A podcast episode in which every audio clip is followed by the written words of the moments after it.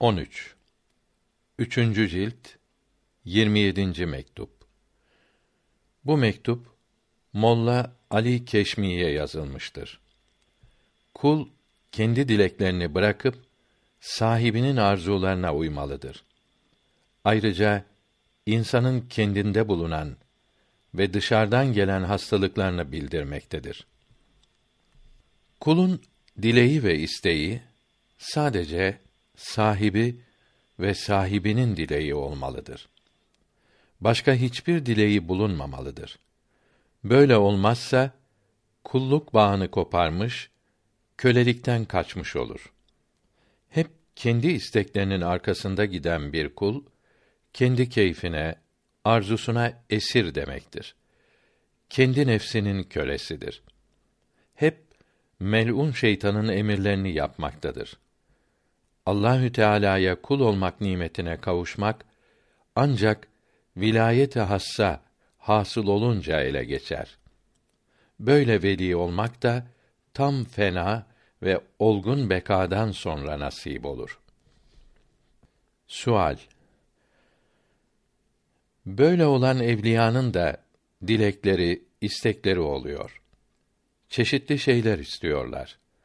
Peygamberlerin önderi ve evliyanın sultanı da aleyhi ve aleyhimüs salavatü ve teslimatü etemmuha ve ekmelüha serin ve tatlı şerbetleri severdi. Ümmetinin iyi olması için çalışıp didindiğini Kur'an-ı Kerim bildiriyor. Böyle isteklerin bu büyüklerde bulunması nedendir? Cevap Birçok istekler tabiat kanunlarından ileri gelir. İnsan hayatta oldukça bu isteklerden kurtulamaz. Sıcak olunca beden serinlemek ister. Soğukta da ısınmak duygusu hasıl olur. Bedenin yaşayabilmek için lazım olan ihtiyaçları istemesi kulluğa ters düşmez. Bu istekler nefsin istekleri değildir. Nefsle ilgileri yoktur. Tabiat kanunlarından hasıl olan istekleri yasak edilmemiştir. Bunları istemek nefse uymak olmaz. Bu istekleri yapmak mübahtır.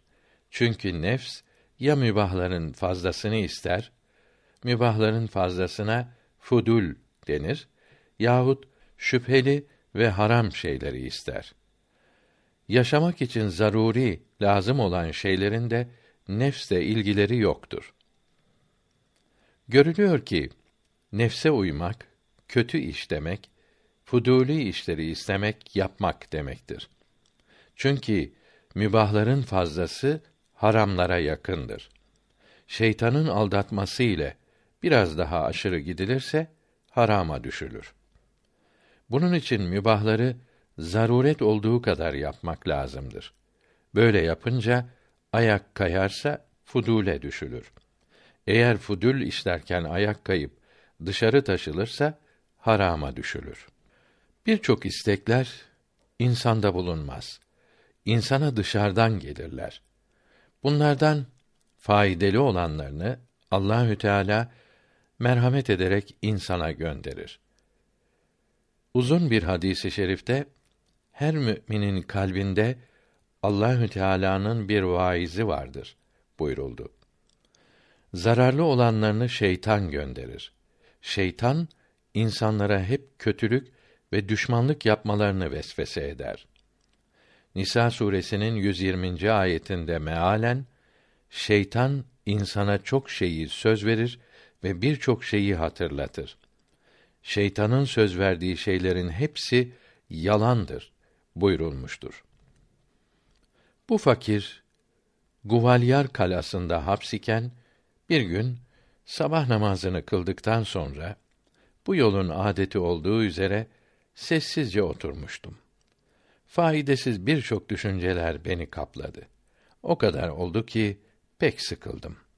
Kalbimi bir türlü toparlayamadım. Az bir zaman sonra Allahü Teala'nın yardımıyla kendimi toparladım. O düşüncelerin bulutların açılması gibi dağılıp gittiklerini gördüm.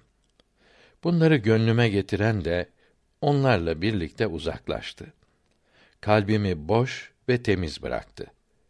Bu düşünce ve isteklerin dışarıdan gelmiş oldukları, içerden hasıl olmadıkları anlaşıldı.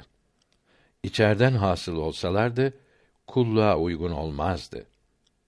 Sözün kısası nefsi emmareden hasıl olan kötülükler insanın kendi hastalığıdır. Öldürücü zehirdir ve kullukla bağdaşmaz.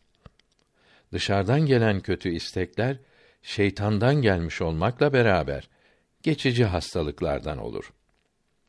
Ufak bir ilaç ile kolayca giderilebilir. Nisa suresinin 76. ayetinde mealen şeytanın aldatması elbette zayıftır buyuruldu. En büyük düşmanımız nefsimizdir. Can düşmanımız her zaman yanımızda bulunan bu azılı arkadaşımızdır. Dışarıdaki düşmanımız bu iç düşmanın yardımıyla bize saldırıyor. Onun yardımıyla bizi yaralıyor. Varlıklar içinde en cahil olanı insanın nefsidir. Çünkü nefsi emmare kendine düşmanlık yapmaktadır. Hep kendini yok edici şeyleri istemektedir. Her isteği Allahü Teala'nın yasak ettiği şeylerdir. Her işi sahibi olan ve bütün iyiliklerin sahibi bulunan Allahü Teala'ya karşı gelmektir. Hep kendi can düşmanı olan şeytana uymaktadır. İnsanın kendinden olan hastalığı ile dışarıdan gelip geçici olan hastalığı ayırt etmesi pek güçtür. İçten olan kötülükle dışarıdan gelen kötülüğü ayırmak çok zordur. Cahil olan kendi hastalığını dışarıdan gelmiş geçici hastalık sanıp kendini beğenir, olgun sanır. Böylece felakete sürüklenebilir. Bunu düşünerek korktuğum için bu ince bilgiyi yazamamıştım. Bunu açıklamayı iyi bulmamıştım. 17 seneden beri yazmadım. İçerden olan kötülükle dışarıdan gelen kötülüğü birbiriyle karıştırıyordum. Şimdi Allahü Teala hak ile batılı birbirinden ayırdı. Bunun için ve böyle sayısız nimetleri için Rabbime hamd ve şükürler olsun. Böyle gizli bilgileri açıklamanın bir sebebi de kısa görüşlülerin olgun kimselerde dışarıdan gelen arzular bulunduğunu görerek o büyükleri aşağı sanmamaları içindir. Böyle sananlar o büyüklerin bereketlerinden istifade edemezler. Kâfirlerin peygamberlere uymak şerefinden mahrum kalmaları bu büyüklerde aleyhimüsselavatü ve teslimat böyle sıfatların bulunması oldu. Tegabün suresindeki bir ayette mealen insanlar mı bize doğru yol gösterecekler dediler. Böylece kâfir oldular buyuruldu. Büyüklerimiz Arif'in kendi istekleri yok olduktan sonra Allahü Teala bunlara kendinden irade ve ihtiyar ihsan eder buyurmuşlardır. Bu sözlerini inşallahü teala başka yerde açıklayacağım. Allahü Teala doğru yolda olanlara selamet versin. Amin.